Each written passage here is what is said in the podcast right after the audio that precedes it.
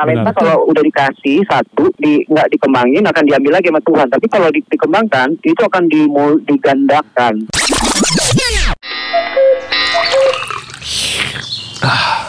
Ngopi yuk, ngobrolin profesi.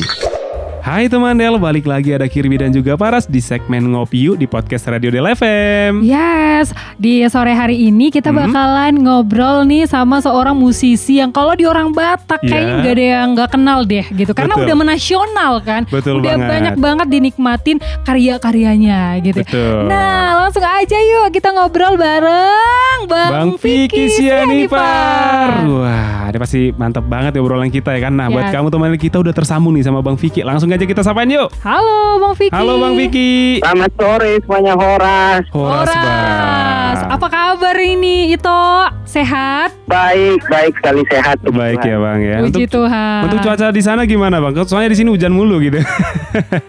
sama di sini mendung-mendung nggak jelas gitu Waduh, yang penting orangnya jelas ya. Betul, itu dia.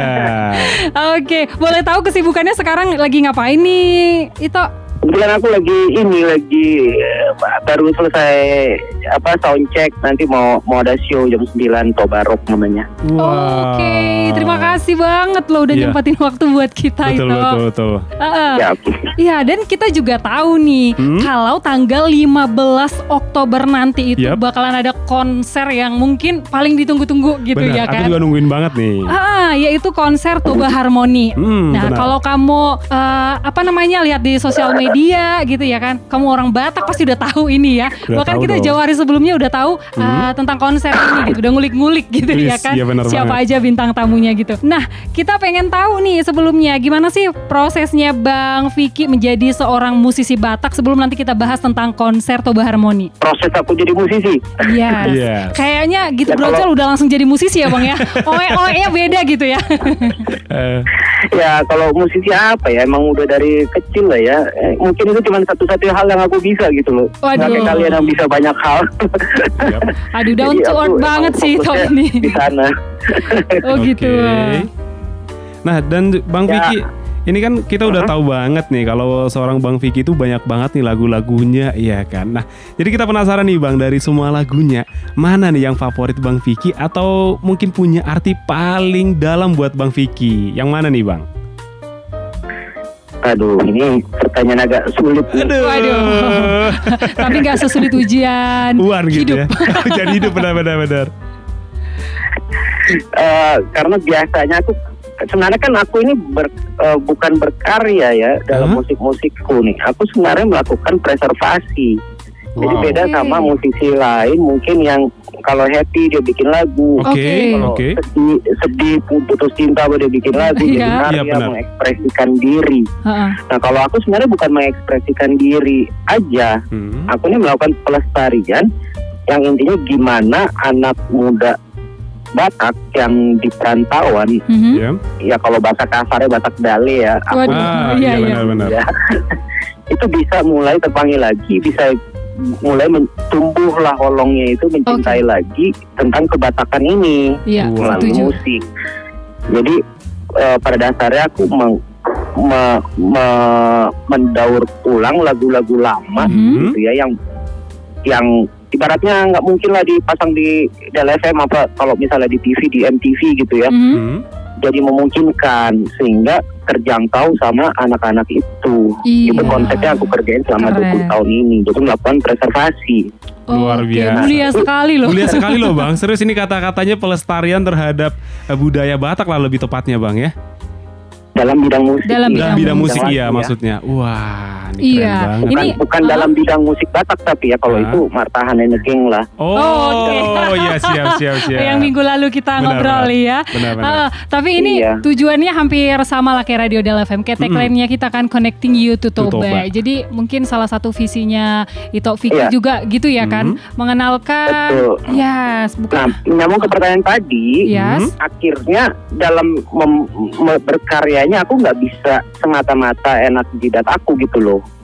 Aku Oke. mesti memikirkan ini pesannya sampai ke mereka. Jadi Wih. penuh strategikal, penuh konsep gitu loh. Nggak Wow. bisa asal senaknya aku aja.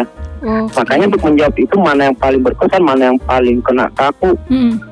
agak agak sulit ya karena bukan kepentinganku yang aku pakai di Wah. sini tapi Wah, kepentingan anak-anak muda generasi muda Batak yang nggak paham lagi tentang Batak gitu loh. Wah, tapi nih Bang nih kalau aku bicara tentang diriku sendiri nih yang favorit dari Abang itu lagunya Toba Spirit loh. Aku suka banget lagu Abang yang itu. Iya. Iya, benar. Sering banget Oh, iya. Sering aku emang. Benar, benar. Keren banget itu, Bang. Ah, tapi kalau memang ngomong, Hah? It- itulah tujuannya mempakuling tondi baratnya. wah Aduh. dalam kali. Salah satu, Menghidupkan jiwa ya. iya, Mapa Jadi Kuling sebelum itu Tondi. tercapai aku belum selesai proses produksinya. Oke. Keren Nah, namun supaya mengakomodir pertanyaan tadi, mana yang paling ber- berkesan buat aku Ah. pribadi. Iya. ya, yang aku sendiri makulingi gila-gilaan. Wah, Itu ada satu lagu namanya Tonani Tao. wah, Oh, iya, Bang, iya. keren itu mah. Pesannya Iya, itu loh Pesannya itu di loh, lagu itu. Tona ya kan. Iya. Nah, Justru di situ lah yang aku nggak mikirin orang lain, aku mikirin diriku sendiri gitu, nggak Wah. peduli ini buat siapa, pokoknya aku mikirin sampai tondiku inilah Oke. apa ya puas lah di situ. Bang, nih aku merinding loh dengarnya nih, Bang. Keren banget sih ya. Iya iya iya. Jadi memang setiap lagu Mhm. yang dibawakan atau karya gitu Karya. dari Bang Vicky Sianipar memang selalu nyampe pesannya. Yang terakhir itu Keren, keren. soundtrack ngeri-ngeri sedap loh. Waduh, tahu dong. Ya kan di hutan mertua. iya. Gila judulnya aja. Keren Oh banget. my god gitu kan. Iya, iya, Aduh. iya, iya. Jadi eh, kita juga pengen tahu nih selama perform gitu ya kan pasti punya dong eh, paling berkesannya itu yang mana gitu atau mungkin yang paling jauh selama berkarir di dunia musik itu punya nggak bang perform yang paling nggak diingat atau yang Nah paling itu dilupain? masalahnya. Waduh. Eh kok jadi Kok masalah jadi bang? masalah, Bang? Masalah Oh Kenapa iya? bang? Kenapa, Bang? karena eh, ya seperti yang tadi aku bilang aku berkarya ini kan ada sasarannya, sasarannya itu tadi mapakuling tondi Iya. Mhm. maka mereka yang mendengarkan gitu terutama anak muda Batak. Nah taruhlah selama 20 tahun ini aku melakukan kesalahan, eksperimen, dan error sudah mulai ada hasilnya lah gitu kan yang Hmm. kalian bilang tadi. Nah tapi kan itu dalam bentuk audio rekaman. Oke. Nah untuk menjadi sebuah visual dalam Mhm. konser ini kan ada aspek tambahan yang mesti disesuaikan gitu loh. Mhm. Yang harusnya konsepnya tetap sama ya. Jadi di repackage aslinya tetap bajunya berubah. Oh, Nah, dalam Oke. konser jujur aku belum pernah ada yang berhasil Hmm. Gitu. Masih sifatnya hiburan, hiburan, hiburan, tapi nggak sampai yang gimana banget. Nah, di konser tanggal 15 ini sebenarnya eksperimenku untuk itu. Aku uh, Oke. gabung dengan kawan-kawan yang satu visi dengan aku. Heeh. Uh, yang pertama untuk itu membuat satu satu suguhan konser Mhm. yang jadi berkat buat orang lain gitu loh. Wah. Parameternya simple, experience. Kuncinya itu experience. Gimana caranya orang keluar dari konser itu terngiang-ngiang dan bahkan bisa merubah hidupnya gitu loh. Yang tadinya oke. musuhan sama orang tuanya bisa Oke. baikan, yang tadinya udah mau putus sama pacarnya gitu bisa baikan Waduh, lagi. jadi kita dapat gambaran nih kayaknya ini ya untuk tanggal 15 nih. Iya, yang Jadi, udah nggak punya ah. ide di pekerjaannya bisa termotivasi lagi. Wow. Nah, Wow. intinya menginspire orang itu definisiku jadi berkat buat orang lain gitu loh. Nah, ini yang challenging sebenarnya di, di konser tanggal 15 itu. Oke, Wow. berarti nanti keluar dari konser ini terfiki-fiki Terfiki. semua gitu ya kan?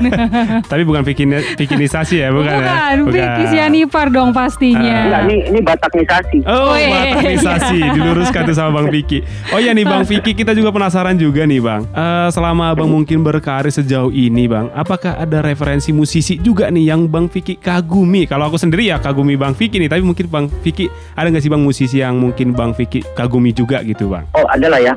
Kalau secara musikalitas, Mhm. setiap musisi pasti otomatis terpengaruh sama apa yang didengarnya 12 tahun ke bawah. Wah, fix. Oke. oke.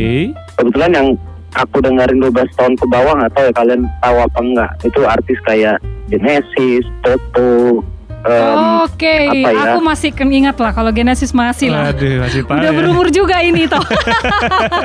iya. Oh iya Bang ya. karena waktu kecil aku sering nonton film-film yang disutradari Steven Spielberg. Nah, Oke. di mana Oke. Steven Spielberg ini sering memakai eh, komposer namanya John Williams. Aha. Jadi musik filmnya John Williams itu yang sangat automatically kalau aku berkarya pasti jadinya kayak begitu. Salah Oh, satunya iya. Toba Spirit itulah orkestrasinya kayak begitu.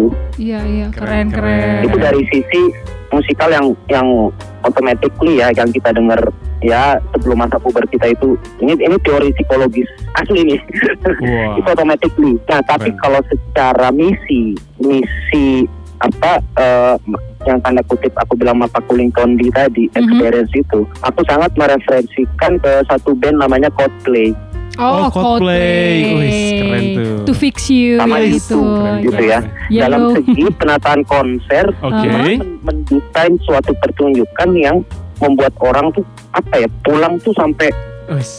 full Iya. of love gitu loh Benar. Nggak bisa move on gitu ya bang ya? Oke. nggak bisa move on Bener. Wah di keren keren keren. Ya benar sih bang. Nah, move akhirnya di- dituangkan dengan per- perbaikan sikap di keseharian siapa pun yang menonton konser itu. Itu yang menurutku value tertinggi ya dari sebuah pertunjukan. Wow, Wah, keren sih. Keren banget sini ya bang ini luar, luar biasa ya Mas. ya. Aduh, Ah, kita lanjut lagi nih, Bang Ito. Aduh, aku jadi suka-suka Ya, aku ya, Bang panggil lah Ito lah. Ka- Kalau kita nyebut nama Vicky Sianipar, siapa yang nggak kenal? Oh iya, ya. benar. Kalau Bang Vicky ini kan udah jadi salah satu musisi Batak yang sangat populer gitu ya kan. Udah centang biru lagi ya kan. Dan banyak menginspirasi orang-orang nih buat mengenal budaya Batak lebih lagi gitu ya kan. Nah, Mhm. apa sih yang buat Bang Vicky itu memilih jadi musisi Batak? Bahkan kita tahu banyak sekali musisi Batak yang coba jadi musisi eh, apa namanya? Mungkin ah, jadi kayak Yes. pop gitu ya atau apa enggak yang enggak lain gitu. Eh, terjun ke nasional atau internasional Ah, benar, kita. benar, benar. Hmm. Kalau Bang Vicky kan kayak kita taunya oke Batak banget Batak ini banget gitu. lah pokoknya. Jujur, aku nggak semulia itu juga gitu. Waduh. loh. Waduh, tapi kita ngerasa seperti itu sih bang. Apa ya? Ya awalnya kalau aku mau milih, justru aku mau milih jalur nasional. Hmm. Oke, tapi, nggak tahu sebenarnya udah menasional. Kembali lagi aku ke ke jalur Batak ini. Heeh. Ya akhirnya aku apa ya nyerah lah ya udah aku nganggapnya ini panggilan lah udah jalan Tuhan lah Iya. kecemplung gitu loh jadi kecebur satu yang aku nggak ngerti juga jujur karena ya mungkin kalian tahu sendiri kalau lihat dari Hmm. interviewku di di YouTube atau di Iya. mana Ah. aku dulu anti Batak gitu loh Oh iya, Waduh, serius bang? Padahal kita taunya Iya, ini Batak maksudnya banget. ya itu gitu. nggak aku ceritain di sini lah ya karena udah Oke. banyak sekali interview-interview di, di YouTube atau di Mhm. mana di TV yang intinya dari yang anti jadi sekarang kerjanya cuma buat gitu aja di mana aku nganggap itu bukan pilihanku Oke. Oke. jadi kayak ini udah jalannya akhirnya tak- yang namanya tarjou lah gitu Iya, ya Ah. kayak tak- takdir membawa ke situ gitu iya, ya. terpanggil gitu ya. Gitu ya, Bang ya.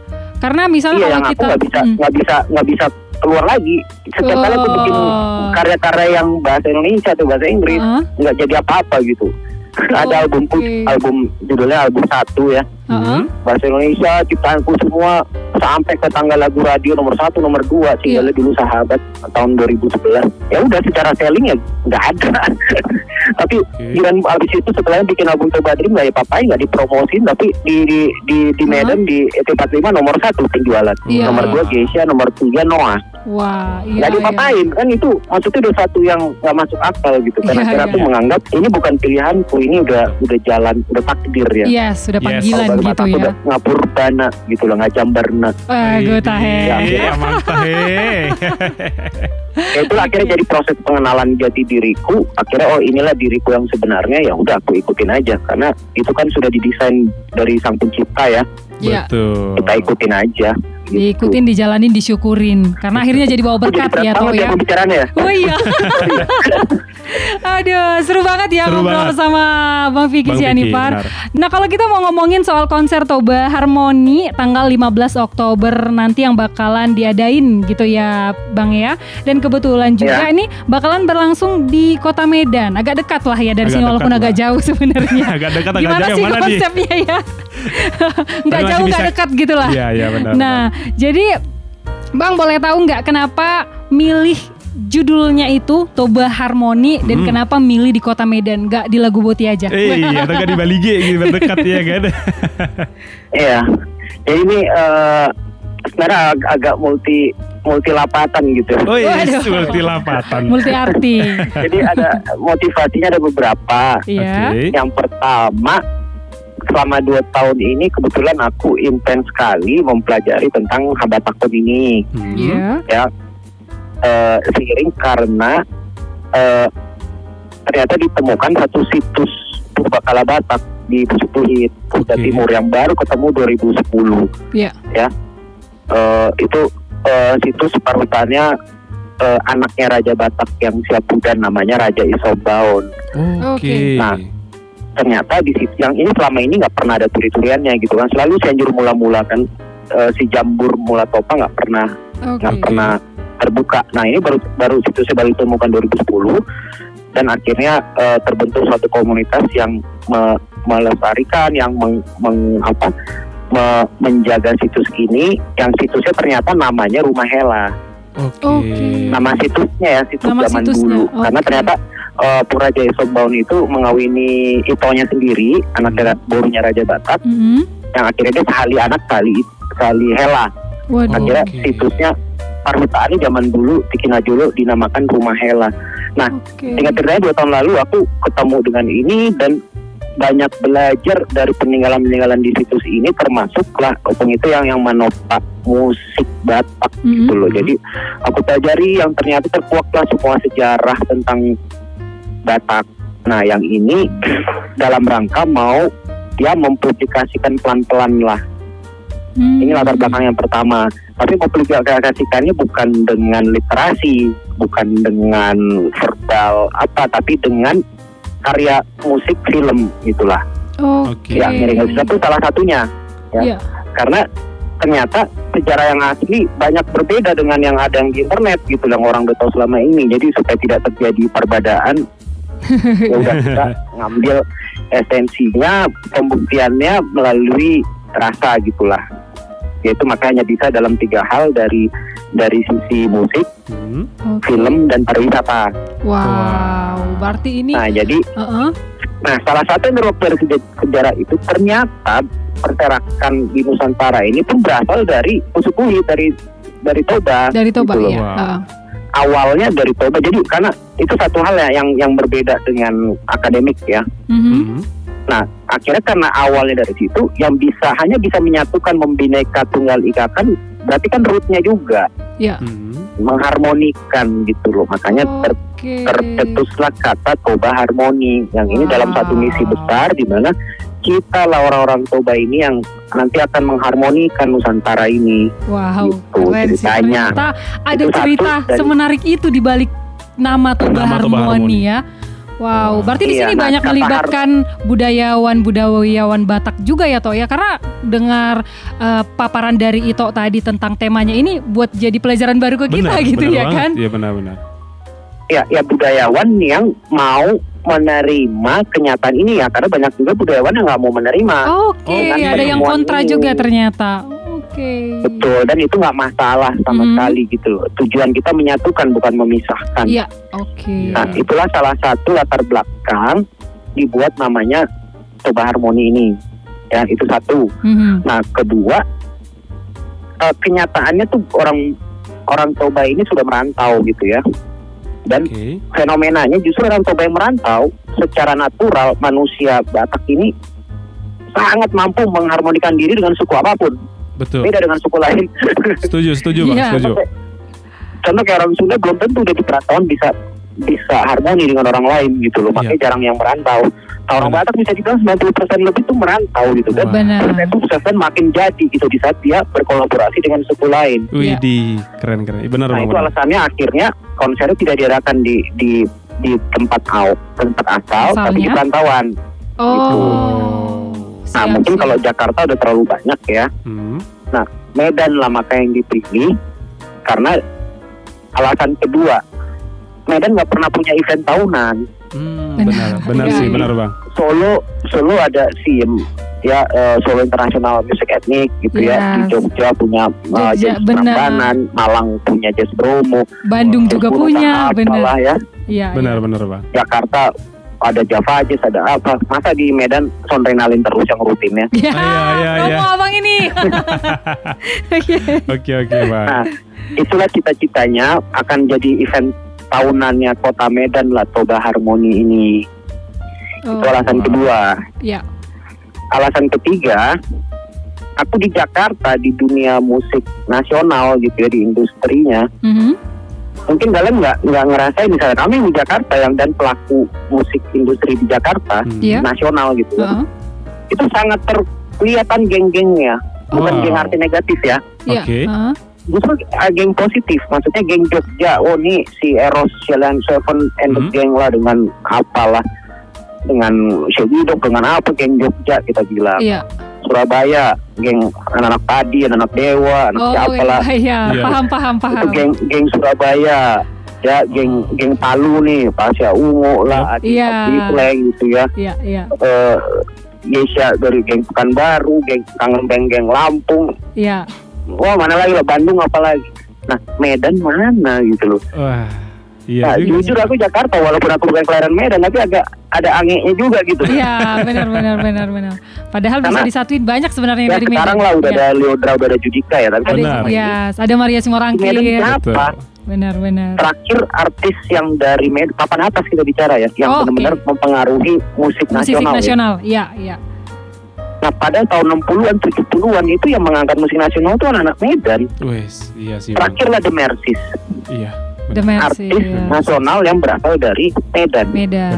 tahun 70-an loh. Habis itu Medan nggak ada Panbers termasuk nggak sih Panbers? terhadap musik nasional. Panbers juga termasuk nggak sih? Tahun tahun berapa 80-an ya? 90-an kayak Itu kalau berapa Panbers. puluh tahun. Sementara Iya, satu satu Indonesia tahu jagonya nyanyi harusnya dari Medan. Iya, benar. betul banget itu bang. Benar, benar, benar. Bahkan orang Nah, mikirnya ini kan orang Batak sam- ah, jago nyanyi gitu ya. Betul. Ini kan ya mereka kan di itu Indonesia mana tahu lah itu mau Medan mau Toba bagi mereka satunya itu Medan gitu kan. iya, betul, betul. benar, Kata benar. Medan teringatnya Batak bukan Melayu. Iya, iya, Iya, benar iya, bang, benar iya. bang. Benar, Nah. Berarti kan ini something wrong. Itulah yang aku analisa selama dua tahun ini. Yang ternyata jawabannya terjadi gap ekspektasi Hmm. gitu loh. Bagi anak Medan tahunya tuh kalau menjadi penyanyi mesti suaranya keren, melengking, bervibra. Iya. Iya, iya. di Jakarta yang dicari nggak begitu. Yang dicari itu performancenya, ya karakter suaranya, Hmm. identitasnya, sama Iya. masanya. Iya. Suara itu nomor 10. Akhirnya nggak pernah ada artis dari Medan gitu loh. Oke. Nah, inilah akhirnya ya aku dengan kawan-kawan yang punya kepedulian yang sama melakukan pembinaan di Medan terhadap musisi, terhadap IO-IO, terhadap apalah semua. Yang ada inilah pembuktiannya di konser ini semuanya murni anak Medan. Aku sendiri bangun di situ nggak bawa musisi dari Jakarta. Pakai musisi lokal anak Medan yang udah aku bina secara setahun dalam setahun Oke. ya. Jadi sudah hasil pendampingan, hasil pembinaan dari sisi musiknya, dari sisi event organizer-nya, vendor-vendornya, lighting, eh, rigging, sound system semuanya. Oke. Yang ini kayak apa ya? Event kayak project balas dendam lah. Wih. Bahkan pakai era production yang kita tahu juga udah megang konser besar sih. Ya, ada Benar, production walaupun ownernya orang orang Aceh, Iya. tapi mereka kan udah lama di Medan juga. Iya, dan benar. Batak sama Aceh sebenarnya secara sejarah punya punya punya pertalian yang sangat erat gitu ya. Iya, Iya. iya. Nah, Wah. jadi jujur ini agak agak proyek ambisius balas dendam. Aku mau nunjukin ke anak Jakarta ini bahwa Medan bisa bikin yang keren lebih keren dari kalian gitulah. Betul. Medan bukan kaleng-kaleng nih kayaknya bang ya. Harus kita support nih. Kita juga harus rame-rame antara ikutan nonton konsernya nih tanggal 15 Oktober. Betul.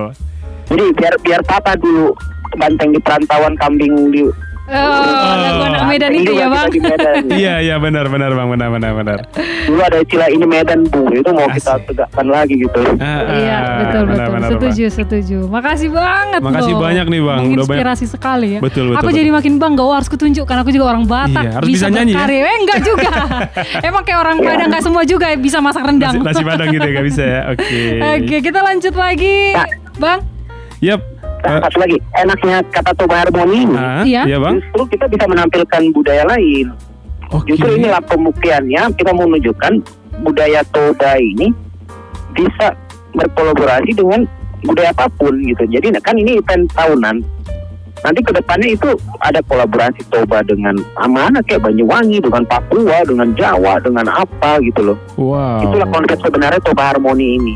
Mungkin yang pertama ini kita dengan yang simpel dulu ya dari yang ada di sini Toba dengan Karo, dengan Simalungun, dengan Hmm. Mandailing itu akan ditampilkan di tanggal 15 nanti. Wis, mantap. oke, keren, Keren ya. banget nih ya. Aduh. Ah, Bang Vicky nih sebagai seorang musisi Ya. gitu ya kan. Ada nggak sih tips dari Bang Vicky Sianipar buat teman Del yang lagi dengerin kita sekarang yang mungkin pengen mencoba dunia musik? Ada tips nggak gitu? Biar mereka berani terjun gitu. Oke, yang pertama, sorry to say, musik ini mesti Hmm. ada satu bahan baku utamanya, yaitu yang namanya talenta. Oke. Iya. Jadi kita mesti belajar mengenal diri kita sendiri. Benarkah kita ada talenta ini dari Tuhan? Itu adalah modal utamanya. Iya. Iya. Karena kalau talentanya tidak ada, cuma sekedar berdasarkan suka musik terus kita pelajari, Hmm. bisa jadi apa nggak bisa. Tapi lama, mungkin butuh 15 tahun baru kita ke Menemukannya level gitu ya. expertnya dengan orang yang bertalenta dari lahir. Oke. Oke. Iya, iya. Tapi yang bertalenta itu mungkin cuma butuh 3 sampai satu tahun udah jadi gitu loh. Nah, jadi kalau aku sarankan kita belajar mengenal diri sendiri dulu. Benarkah kita bertalenta musik dari Tuhan ini gitu loh. Oke. Ya caranya simple. Kita bisa menyanyi atau memainkan alat musik yang tanpa belajar itu bisa di atas rata-rata orang lain. Itulah cara mengenalnya. Iya, Oke. oke. Nah, di saat itu tidak terjadi, ya kita sudah melakukan musik, tapi ternyata hasilnya tidak tidak lebih atas orang lain, walaupun bagus ya, tapi tidak yang apa ya menjadi highlight orang tiba-tiba gitu loh dengan sendirinya ya tanpa di set ya. Oke. Nah itu sebaiknya jadi hobi aja musik. Wah. Oh, oke. Iya, Iya, iya, iya, iya. iya, paham, paham. Ya kita punya profesi yang lain, tapi tetaplah musik ini sebagai hobi. Tapi Hmm. bagi yang memang tiba-tiba, uh ini suaranya di atas rata-rata, dan itu yang, yang menilai orang lain ya. Iya. Iya, bukan diri betul. sendiri yang Ah. mengakui yang menilai orang lain entah permainan gitar kita pemain keyboard kita atau mengkomposisi lagu Mhm. di atas di, di di atas rata-rata nah kalau ini justru kebalikannya jangan ambil profesi yang lain fokus di, di talenta Oh, itu.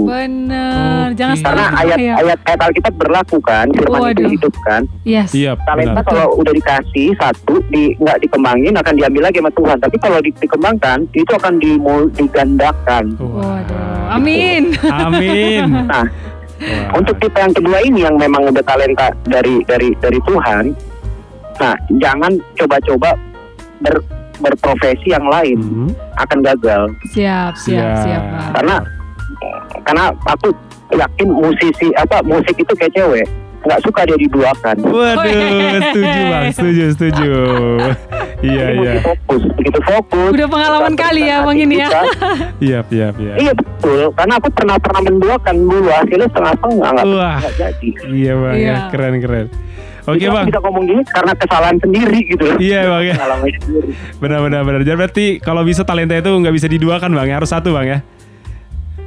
Iyalah, karena Oke. bukan aku yang bikin juga, itu ayatnya begitu. Oke bang, oke. Oke bang Piki ini yang terakhir nih, Ah, Bang Pika nih yang Iya. eh, Bang Pika, Bang Piki sorry nih bang ya. Ini yang terakhir nih buat teman nih mungkin yang masih kayak bingung mencari jati dirinya nih bang, atau Yes, mungkin entah masih apa pun profesinya Iya, itu iya. ya. Tapi dia masih bingung masih gitu. bingung. Aku mau ke mana sebenarnya gitu. Ya, talenta aku apa nih gitu kan? Yes, kira-kira uh, Bang Vicky punya, weh jangan gak, weh punya masukan gak gitu untuk teman Del? Ya, eh, untuk yang mau jadi musisi gitu ya. Iya, benar bang. Nggak harus jadi Nggak harus musisi, musisi sih, sih bang. tapi apa namanya kayak anak-anak muda Apa pun yang profesinya. sekarang, yes, Iya. apa pun profesinya, tapi dia masih bingung dengan jati dirinya gitu. Kira-kira punya pesan gak gitu Bang Vicky-nya buat teman Del? Ya ini caraku ya dari hasil pengalamanku sendiri. Oke. Aku menemukan suatu rumusan. Pokoknya, misalnya kita mencoba hal baru apa pun itu, mau mau jadi penyiar radio, mau Hmm. orang IT, kayak mau Hmm. musik, mau apa. Bisa kita mencoba, tapi merealisasikannya sampai jadi karya ya, sampai Oke. benar Oh, jadi Oke. penyiar jadi penyiar, terus atau enggak jadi IT, kita bikin aplikasi atau apa. Iya. Nah, di saat jalan kita mulus, terus tiba-tiba banyak sekali kebenaran, ih, kebetulan kan ya, ih, mulus sekali gitu ya. Oke. Itu udah pasti jalan Tuhan yang benar. Kalau aku gitu. Aduh, aku rasain Tapi sih. kalau kita mau coba sini tersundat, sana kejegal, sana kejegal, kejegal itu tiga kali pengulangan aku udah cukup parameterku untuk putar balik. Bukan Oke. ini jalanku. Wah. Itu kalau aku pribadi. Oke. Iya, iya, iya. Nah, jadi apa pun profesinya kalau kita cobain, banyak yang namanya so called coincidence. Oke.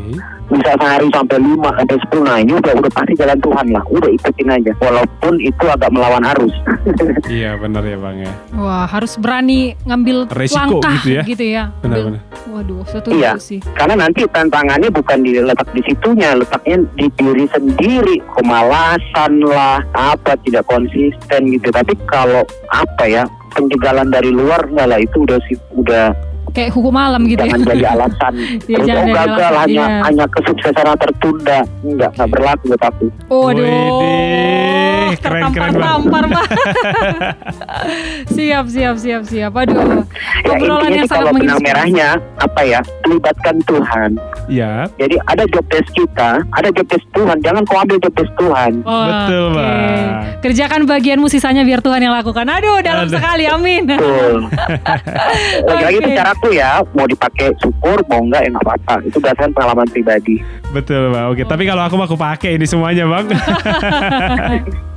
Oke, makasih banyak Makasih loh banyak Bang loh, Bang Vicky Vicky. buat obrolan hari ini Sama-sama. menginspirasi sekali ya. Benar-benar Paras. Bener loh, banyak banget hal yang kita ambil dari obrolan kita hari ini bareng Betul. Bang Vicky Syanipar di segmen Ngopi Yuk. Sukses buat konsernya tanggal Benar. 15 nanti Toba Harmoni, juga semua kegiatan-kegiatan atau juga Betul. rencana-rencana yang sudah uh, sedang berjalan ataupun yang sudah direncanakan sama Bang Vicky Syanipar dan tim. Amin. Oke. Oke. Terima kasih juga buat Del ya. Thank you banget. Oke, Oke, Bang. makasih Bang. Makasih bang. Horas bang. Horas, horas. Horas, horas. Paras. Ya. Itu kata-kata Bang Vicky tadi ya. Ternyata katanya talenta itu dia kayak cewek coy ya kan. Gak boleh diduduain boleh ya. diduain, Nanti terus- dia sakit hati. Iya. Terus juga sebenarnya kan kalau cewek itu kan sulit dimengerti ya. Harus Ah. dimengertiin banget lah pokoknya gitu kan. Berarti Bener. Talenta harus kayak gitu.